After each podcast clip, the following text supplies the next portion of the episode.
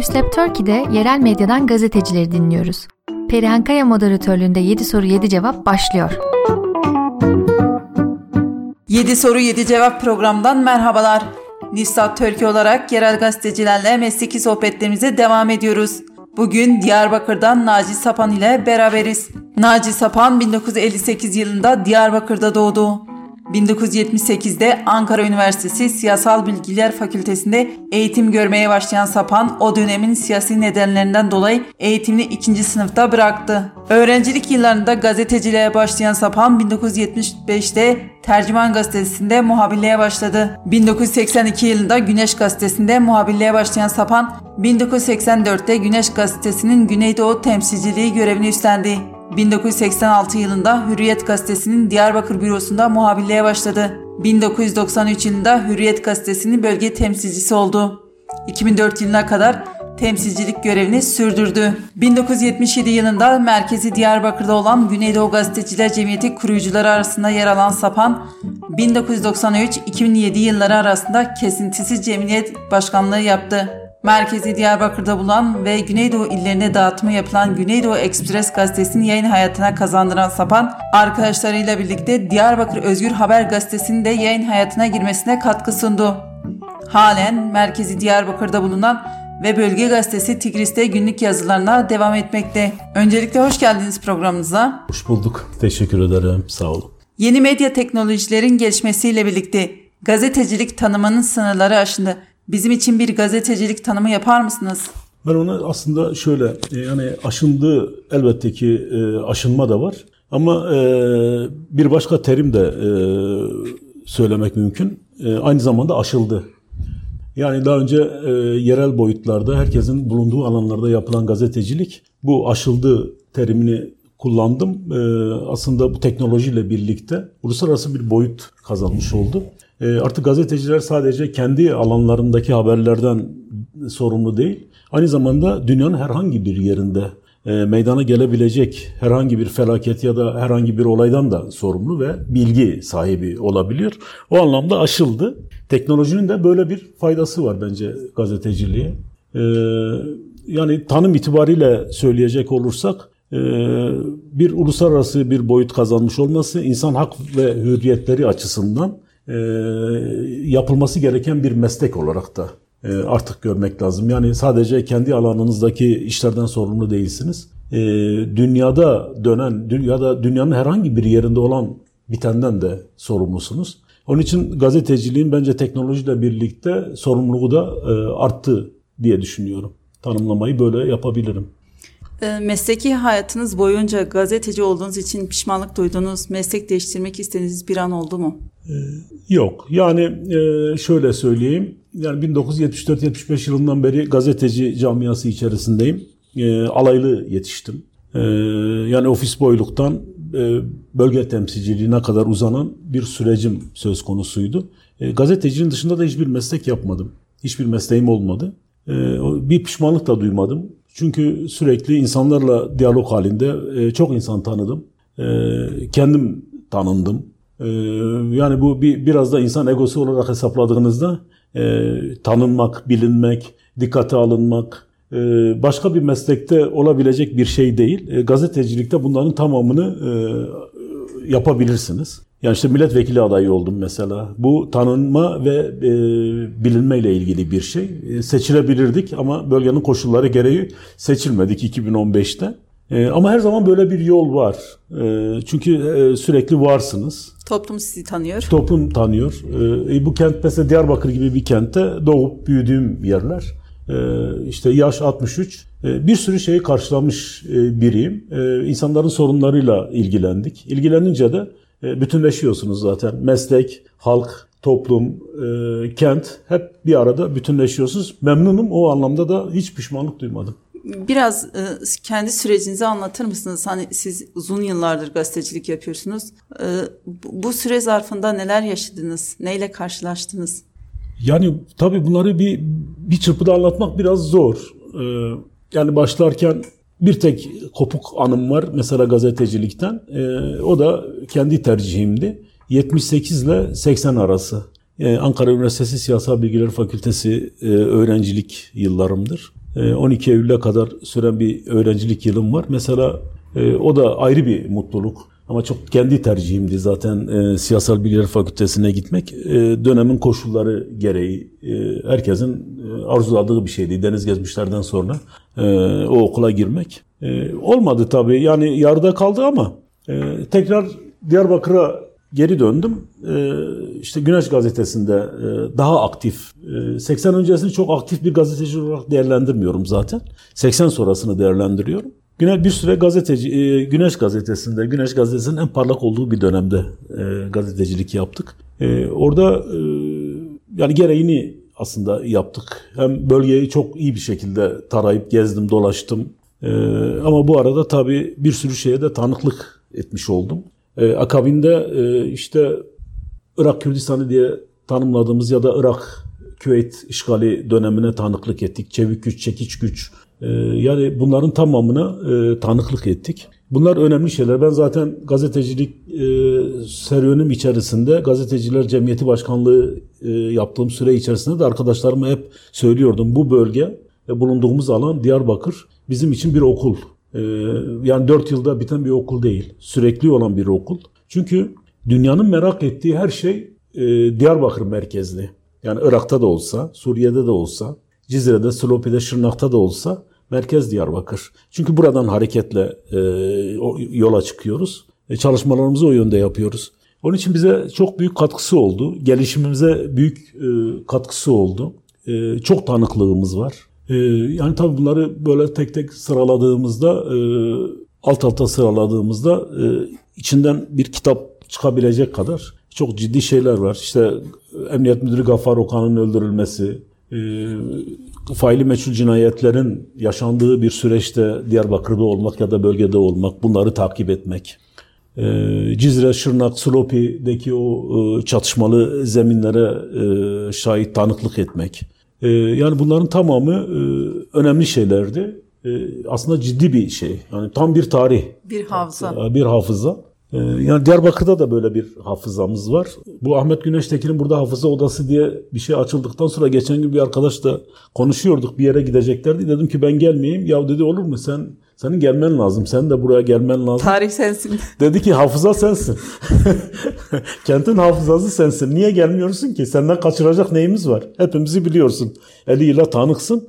Ee, işte bu bölgede gazetecilik yapmanın ee, en önemli e, şeylerinden bir tanesi de bu zaten. Yani e, hafıza hafıza olmanız, tanıklık etmeniz. Ama tabii bu mesleği yaparken de e, insanları kırmamaya da özen gösterdim. Yani mesela İstanbul gazeteciliği diye adlandırdığımız bir şey vardı. Vur, kır, dök, geri çekil. İşte gazetecilik yaptım de. Ama biz onları da yapmadık. Yani insanların ailevi yaşamlarını, ailelerini, çoluğunu, çocuğunu, çevresini, e, ne bileyim işte aşiretini falan filan bunları da düşünerek yaptık.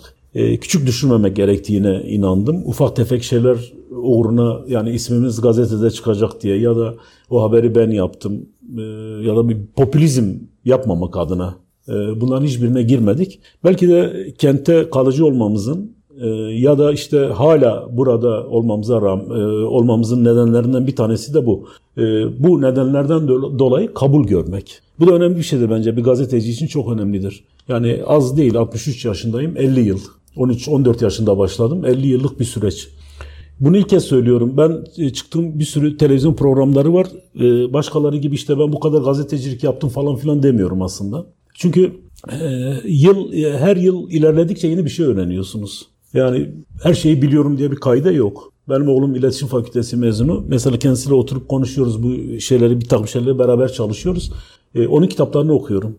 Çünkü bizim dönemimizde böyle bir kitap yoktu. Yani iletişim fakülteleri zaten yüksek okul diye geçerdi evet. o dönem. Böyle bir teknolojiyle ilgili ya da e, iletişim e, teknolojileriyle ilgili böyle kitaplar yoktu. Ya da onun bana anlattığı şeyler var. Mesela yeni bir şey öğreniyorum. Süreç değişiyor. Yani 28 yaşındaki oğlumdan yeni bir şey öğreniyorum. E, ama bunu zevkle yapıyorum. Yani işte e, ben 50 yıllık gazeteciyim. Benim önüme geçen öyle bir şey yok geçebilir. Çünkü teknoloji çok önemli. Şu an tartıştığımız konu zaten o. Konuştuğumuz konu da o. Her gün yeni bir şey öğreniyoruz. Ee, onun için gazetecilik de bence e, emekliyim. Yani resmen emekliyim. Ama bence e, emekli olunacak bir meslek değil. Pratikte değilsiniz. Değilim. Evet, değilim. Devam ediyorum. E, herhalde elimiz kolumuz kalem tuttuğu sürece, e, bilgisayara bilgisayar tuşuna bastığımız sürece, e, beynimiz de e, çalıştığı sürece ki e, bu mesleği bu şekilde devam ettirirsek zaten o Alzheimer falan filan dedikleri şeyleri de herhalde atlatırız. Unutkanlık gibi şeyleri. Öyle tahmin. Böyle bir durum. Teknolojik imkanlarınız bakımından ne değişseydi gazetecilik süreçleri daha iyi olurdu? Valla yani bunu şöyle sıralamak lazım. Teknoloji imkanlarının tamamını şu an için mesela e, kullanabiliyorum. Hı hı. Şahsi olarak söylüyorum. E, tamamını olmasa da e, büyük oranda kullanabiliyorum. E, benim gibi yani işte 70'li yıllardan gazetecilik yapanlar için çok önemli bir şey. Hiç teknolojinin olmadığı bir süreçten geliyoruz. Yani daktilo tuşlarına basıp sonra telex, e, e, bir bilgisayar denen bir şey zaten yoktu ortada. Telefon hiç yoktu. E, bunlar olsaydı bence dünya çapında bir gazetecilik e, şeyine ör, örnek olurduk. Yani bulunduğumuz alanda bas fotoğraf gönder, bulunduğumuz alanda bas haberi gönder. Bunları o dönem elimizde olsaydı e, çünkü girdiğimiz alanlar o kadar önemli alanlardı ki e, ama ancak 3 gün 5 gün sonra gel haberi yaz, filmi yıka, e, İstanbul'a gönder. E, filmin çıkıp çıkmayacağını da bilmiyorsunuz. Kapalı çünkü. E şimdi teknoloji o kadar çok süratli gelişti ki çektiğiniz fotoğrafı anında görüyorsunuz. Ona göre iyi değilse bir daha çekiyorsunuz. Fotoğraf makinesine de gerek yok. Cep telefonuyla çekebiliyorsunuz. Onun için e, yani o teknolojik imkansızlıklardan teknoloji imkanlarına ulaştığımız bu süreçte e, hiç şey yapmıyorum. Yani e, olsaydı olmasaydı da demiyorum. Hepsini tek tek öğrendik çünkü ve bunların hiçbirini eğitimini almadık biliyor musunuz? E, ben ve yanımda çalışan arkadaşlar hiç eğitim almadık. Hepsi geldikçe öğrendik, geldikçe öğrendik. E, öğrenmemiz gerektiğinin farkındaydık. E, bu noktaya kadar geldik. E, daha fazla nasıl olsaydı bu süreçler ama işte e, sürece geri döndüğünüzde teknoloji yoktu. Ne pişmanlığı var ne de övünülecek bir tarafı var. Demek kademe kademe e, zamanı geldiğinde oluyormuş. E, biz de bilgisayar arkasından yani fotoğraf o tele şeyler vardı, telefoto aletleri. 30-40 kiloydu omuzlarımızda taşıya taşıya işte hem beyin, be, e, boyun fıtığı hem de bel fıtığına yakalandık. E, fotoğraflar, filmleri e, otellerin e, banyo küvetinde yıkadık. Yani böyle bir teknoloji e, eksikliğinden bugünkü teknolojinin yani süper bir teknolojiye gelinmiş oldu. Ben şahsen şeyim yani e, ahvah da etmiyorum. Ya o gün böyleydi. E zaten o gün öyle olması gerekiyordu. Bugün de böyle olması gerekiyor. Belki e, bir 10 sene sonra daha çok daha farklı bir şey olacak. E, ama biz e, ben herhalde onu da öğreneceğim. Yeni bir şey çıkacaksa onu da öğreneceğim. Keşfetmeye devam. E, tabii devam. Keşfetmeye devam. Yerel ya da bölgesel bir yayında çalışan bir gazetecinin insan hakları, demokrasi gibi açılardan ulusal basında çalışan biri kadar etki yaratabileceğini düşünüyor musunuz? Çok daha fazla etki yaratabileceğini düşünüyorum. Ee, yani ben e, hem ulusal gazetelerde çalışan biri olarak, yani üç tane ulusal gazetede e, ve ajanslarında çalıştım. Tercüman, Akdeniz Haber Ajansı, Güneş Gazetesi, Hürriyet, Hürriyet Haber Ajansı ve Doğan Haber Ajansı. E, Türkiye'nin bunlar hep çalıştığım dönemlerde Türkiye'nin katalizör görevi gören gazete ve ajanslarıydı bunlar. Dönemine göre etkiliydiler tabii ki. Ama bu arada Aynı şekilde e, Diyarbakır'da Güneydoğu Express gazetesinin e, çıkma serüveni var. Onun o gazeteyi ben çıkardım. İki arkadaşımla ortaklı çıkardık. E, ne kadar etkili olduğunu e, insan hakları konusunda, e, insan hak ve hürriyetleri açısından, hak, hukuk, adalet açısından e, bir defa şeysiniz. E, yerel basın şöyle bir şey var. Yani kendinize ait bir mecra. O mecrayı istediğiniz gibi kullanabiliyorsunuz. Orada artık bir şeyiniz de yok. Yani bana ait değil diyemezsiniz. Sansürsüz. Tabii. Çünkü yayın politikasını siz belirliyorsunuz. Zaten benim de arzuladığım yani o hürriyetten ayrılmamın, ben emekli olmadan ayrıldım çünkü. Böyle bir rüyam vardı. Kaç yıl hürriyette kaldınız? 20 yıl. Yani 19 yıl falan kaldım. Yani emeklime bir falan vardı ayrıldım. Yani o da ayrı bir şey. E, zamanı gelmiş dedim ayrılayım. Yani bir gazete kuralım. E, kendi işimizi yapalım. Bölge gazetesi olsun. E, aslında bugünleri o günden görmüştüm. Daha e, ama belki de zamanlama açısından çok erken hareket ettik. Biraz daha beklemiş olsaydık yerel gazeteciliğin ne kadar önemli olduğunu, insan hak hürriyetlerini savunma açısından da ne kadar önemli olduğunu Çünkü şeyde de Avrupa'da ve Amerika'da da böyle yerel gazeteler çok etkili. Yıllardır etkili. Yeni bir durum da değil. Onları da kendime örnek alarak e, hareket ettim. Güneydoğu Ekspres konusunda ama biraz erken hareket ettik. Türkiye'deki siyasi e, Atmosfer. atmosferi hesaplayamadım. Ya da e, yani inandık doğru bir şey olur diye. E, sonra olmadı tabii. Mesela o gazeteyi de bıraktım. Sonra aradan bir süre geçti. Özgür Haber gazetesini yine arkadaşlarımla birlikte çıkardım. E, onlar her iki gazetede e, çıkardığımız, yayın hayatına soktuğumuz ve benim bıraktığım anlara kadar çok iyi bir yayın politikası yürüttü ve kent tarafından da kabul edilen gazeteler oldu. Güneydoğu Ekspres'in ayrı bir yeri var. E, bölgede kabul gördü. E, yani biz kopmasaydık bir takım siyasi nedenlerden dolayı gazeteyi ben başında olsaydım şimdiye kadar devam ettirebilseydim bu teknolojiler de zaten üstüne eklenmiş olacaktı. Televizyon e, ya da işte e, internet yayıncılığı işte bu e, sosyal medya sosyal medya yayıncılığını falan filan adım adım üstüne eklemiş olacaktık. Belki de e, bölgenin bir numaralı e, yayın kuruluşu olacaktı. Bilmiyorum ama yarıda kesildi. Bu hem bölge için hem de Diyarbakır için bir kayıp oldu. Hala yani benim kafamda kurduğum o yapı yok Diyarbakır'da. E çünkü Diyarbakır, niye Diyarbakır diyorum? Diyarbakır'da biz böyle bir yapı oluşturduğumuzda bütün bölgeye hitap ediyor. Diyarbakır sadece e, siyaseten değil, e, ekonomik olarak değil, bütün alanlarda bölgenin aynası olarak değerlendiriyorum ben. Buradan e, yayılacak bir ışık bütün bölgeyi aydınlatıyor. Bunu herkes de kabul ediyor zaten. Çünkü burası metropol bir kent. E, nüfus artışı da bunu gösteriyor zaten. E, ikisinde de yani bir yere kadar getirdik aslında başarılıydık. Devamı başarılı olmadı. Diyarbakır adına bir kayıp oldu. Bir pişmanlığım ya da e, üzüntüm bir tek bu. Bu meslek hayatım içerisinde.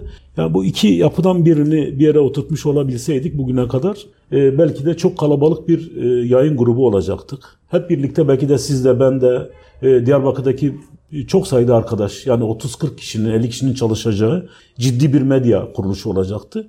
Böyle olduğunuz olduğu zaman e, hem yayın politikanızı e, bir yere oturtmuş oluyorsunuz hem az önce sorduğunuz e, insan hakları demokrasi açısından da savunduğunuz şeyleri bir yere oturtmuş olacaktınız. E, işte e, buna rağmen yine şu an bulunduğumuz mevkide, e, mevzide yani Tigris Haber'de de e, hem insan hakları hem de demokrasi açısından kendi köşe yazılarım olsun, e, gazetenin yayın politikası internet üzerinden ya da sosyal medya üzerinden yaptığımız yayınlarda bunları ortaya koyuyoruz. O nedenle bence ulusal basından daha önde. Yerel ya da bölgesel yayınlarda neyi değiştirmek isterdiniz? Valla az önce bahsettiğim gibi yani bir defa az önce konuştuğumuz şeylerle paralel e, bir değişiklik olmasını isterdim. Yani dedim ya kalabalık bir e, medya grubu oluşsaydı Diyarbakır merkezli olabilirdi. Şu an için bu koşullar... Bu, biraz zor. Biraz zor. Ee, yani gazetecilerin bir araya gelmesi lazım. Bunu e, bir e, sermaye grubuyla yaptığınızda mutlaka bir yerde e, kırılıyor. E, ben çünkü hem Güneydoğu Ekspres'te hem de Özgür Haber'de bunu yaşadım. Çok iyi başlıyorsunuz. E, sizin politikanızı da biliyor arkadaşlar. Nasıl istersen öyle yap diyorlar. Ama sermayenin şöyle bir e, özelliği var. Bir yerde kırılabiliyor. Yani para kazanma üzerine bir mantık yürüttükleri için e, birileri onları ikna edebiliyor ya da birilerine karşı biraz daha şey davranmak durumunda kalıyorlar. O zaman sizin yaptığınız işi engelliyorlar. Olmuyor. Bölgede de olmadı. Ee, oradaki bir tek pişmanlığım vardır. Mesela e, birileriyle sermaye grubuyla hareket etmektense kendi başıma ben bu işi yapıyorum deseydim bana olan inançla e, dostlar, çevre ve ben işte Bir Gün Gazetesi'nin yaptığı gibi e, herkesi ortak ederek bir yayın e, organizasyonu yaratabilirdim. E, ona da yani doğrusu cesaret edemedim. Yani e, olur mu olmaz mı o bir örnek. E, ama şeyden sonra yani bu iki denemeden sonra e, arkadaşlarla çevreyle konuştuğumda keşke böyle yapsaydın biz destek olurduk dediler. Olabilirmiş. Olabilirmiş dediler. İşte o zaman bir pişmanlık ama ne kadar olurdu ne kadar olmazdı onu da bilmiyorum. Çünkü bizim toplum sonuçlar üzerinden e, fikir üretmekte e, çok usta. en başında desem yok diyor yani olmaz. E, bir miktar denemiştim yok demişlerdi onun için zaten cesaret edememiştim. Yoksa öyle bir sermaye oluşturulabilirdi. Halka dayalı bir sermaye oluşturulabilirdi. Diyorlar ya şey Kürtler gördüklerine Gördükler inanır. tabii tabii öyle aynen öyle. Biraz da cesaretim o nedenle olmamıştı. Ha bundan sonra olur mu? Olabilir aslında biraz da siyasi atmosferle ilgilidir. Ee, yani ben mesela kafamda önümüzdeki ikinci bir yüzyıla giriyoruz. Yeni yüzyılda demokrasinin, insan hak ve hürriyetlerinin, hak, hukuk, adaletin daha e, aktif bir şekilde savunulacağına inanıyorum. E, bu iktidar gidecek. Yerine gelenlerin de bunun dışında farklı bir tarz içerisinde olacağını ben zannetmiyorum. O zaman bunlar yapılabilir aslında. E, bizim bu konuda altyapımız uygundur. E, ben şahsen kendimde o gücü görebiliyorum. Diyarbakır'da bu, bu koş- koşullara Diyarbakır- uygun. Uygun. Diyarbakır'a uygun. Koşullar çok uygun. Bir de hani derler ya toplum içerisinde biz de kemale erdik. Yani hem yaş itibariyle hem meslek itibariyle belki daha önce eksik hatalarımız, yanlışlarımız olmuş olabilir 30'lu 40'lı yaşlarda. Ama bizim artık ne hata ne yanlış yapma ne şansımız var ne de duruşumuz ona e, uygun değil. E, toplum da zaten böyle bir şeye izin vermez. E, çünkü ben mesela kendi şahsım için söylüyorum. Ben meslekten çok büyük paralar kazanan biri değilim.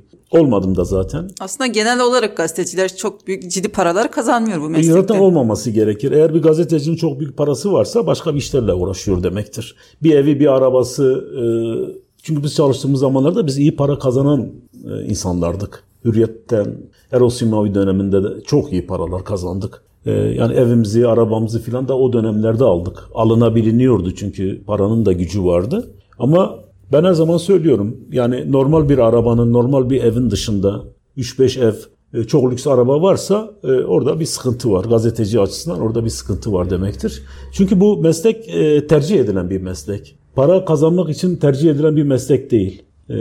Yani topluma faydalı olmak için az önce sorduğunuz soruya denk gelen bir şey. Yani e, insan hak ve hukukunu savunmak için, demokrasiyi savunmak için e, benimsenmek ister yani kabul edilmesi gereken, tercih edilmesi gereken bir meslek. Aslında biraz da beni o yaşlarda sosyalist ideolojiye yakınlığımızdan kaynaklı belki de mesleğe e, bu kadar sarıldık. E, yani o bir insani bir duygudur.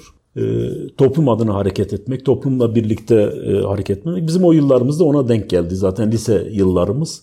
Yani 70'li yıllardan çıkılmış, 74'lü yıllar. Yine işte e, sosyalist e, bilincin e, giderek yaygınlaştığı bir döneme denk geldiğimiz için de şanslıyım aslında şanslıyız. Bizim kuşak öyle bir kuşak. İyi de oldu. E, iki oğlum da öyle yetişiyor. E, ikisi de sosyalist e, ve mutluyum ikisinden de.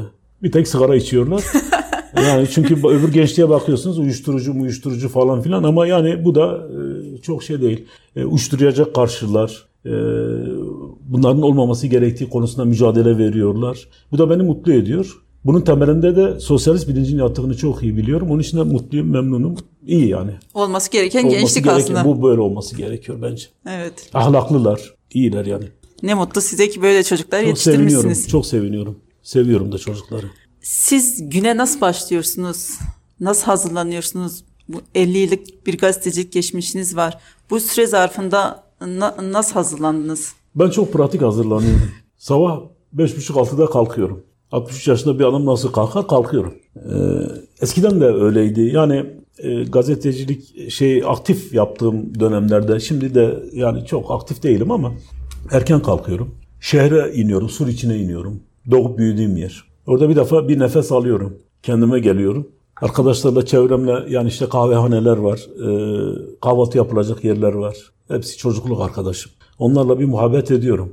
E, zaten orada gündemi de yakalayabiliyoruz. Diyarbakır'ın kalbi. Tabii tabii. Bir, bir gün önceden olabilen olmuş şeyleri de alabiliyoruz. Orada şu oldu, burada bu oldu, ondan haberim var mı, şundan haberim var mı, sur içinden haberim var mı? İşte şu evi de yeniden onarıyorlar mesela. E, gündem bu şimdi. Sur içinde e, onarılan evler. Ya da falan kesin evini vermemişler, filan kes şöyle filan. Gündem orada belirleniyor. E, öleni duyabiliyoruz. gündemi belirliyor. Tabii tabii. Öleni duyabiliyoruz, taziyeyi duyabiliyoruz. Aslında gün böyle başlıyor.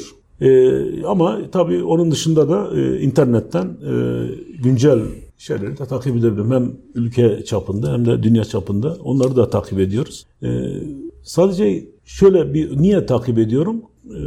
sadece Diyarbakır haberlerini vermekle e, internet sitesini yürütemeyeceğinizi biliyorsunuz zaten. Yani ben mesela İstanbul'dan da işte Ankara Sanat Tiyatrosu'nun e, faaliyetini de koyuyorum. Çünkü e, ilgi gördüğünü biliyorum. İşte İstanbul Büyükşehir Belediye Başkanı'nın e, öğrenci yurtlarıyla ilgili çalışmasını ve o yönde yapılmış haberi de bize geliyor çünkü şeyden maillerden. O haberi de koyuyorum. Nedeni çünkü e, onların yaptığı yurt 81 ile hitap ediyor. 81 ilden insanlar, e, gençler oraya okul okumaya gidiyor. Ve en büyük sorun da bu zaten. E, onların yaptığı bu faaliyeti de veriyorum. Ama yani işte sosyal anlamda Amerika'daki ya da işte Avrupa'daki, Hollanda'daki çünkü orada da Kürtler, Türkler yaşıyor. Onlar da sizi merak ediyorlar. Yani, herkes Diyarbakır'ı merak ediyor tabii, zaten. Tabii herkes Diyarbakır'ı merak ediyor. Yani buradan verdiğiniz bir haber onlarda kabul görüyor. E, ikisi arasında e, ya da işte böyle bir genel anlamda bir yay oluşturduğunuzda çok ciddi bir e, mekanizma e, oluyor. Bu sosyal medya, bu teknoloji gerçekten bu anlamda çok önemli. Zaten yazılı şeyi iş olsun diye çıkarıyoruz. Resmi ilanları almak için. Onun belli bir şeyi var. Ama mümkün olduğu kadar ağırlığı şeye veriyoruz. E, sosyal medya ve internet sitesine veriyoruz. E, zaten verilere de baktığımızda e, bizi Amerika'dan, Hollanda'dan, Japonya'dan e, izleyicilerimizin, okuyucularımızın olduğunu görebiliyoruz. Gelen mesajlardan da öyle. Google verilerinden de bunları görebiliyoruz. Bunların hepsini gördüğümüzde e, çalışma plan ve programımızı da ona göre geliştiriyoruz. Daha iyi çalışıyorsunuz. Çok daha iyi çalışıyorsunuz tabii. Ona göre e, bir plan program. Yani günümüz böyle başlıyor. Sonra e, sur içinden başlıyor. Sonra dünyaya yayılıyor. E, onun için meslek önemli bir meslek. E, herhalde bizi e, işte ölünceye kadar ayakta tutar bu meslek. Gençlere de tavsiye ediyorum yani iyi gazeteci yapsın, e, ayakta kalsınlar. Topluma, insanlığa e, faydalı olsunlar. Demokrasiye bir katkıları olsun. Ben teşekkür ediyorum bugün bizimle bu e, süreci paylaştığınız için. Ben de teşekkür ederim. Benim için de bir tarihsiniz aynı zamanda. Sizi görmek ve tanımak da çok güzeldi. Ben de çok mutlu oldum. Böyle bir iş yaptığınız için de sizi kutluyorum. Evet sevgili dinleyiciler bugün Diyarbakır'da e, gazeteci arkadaşlarımızla beraberdik. Farklı şeylerden yerel gazetecilerle konuştuğumuz 7 soru 7 cevabın bu bölümün sonuna geldik. Farklı şehir ve ekollerden gazetecileri dinlemeye devam edeceğiz. Soru ve yorumlarınızı Nüslab Türkiye sosyal ağ hesapları üzerinden bizlere iletebilirsiniz. Dinlediğiniz için teşekkür ederiz.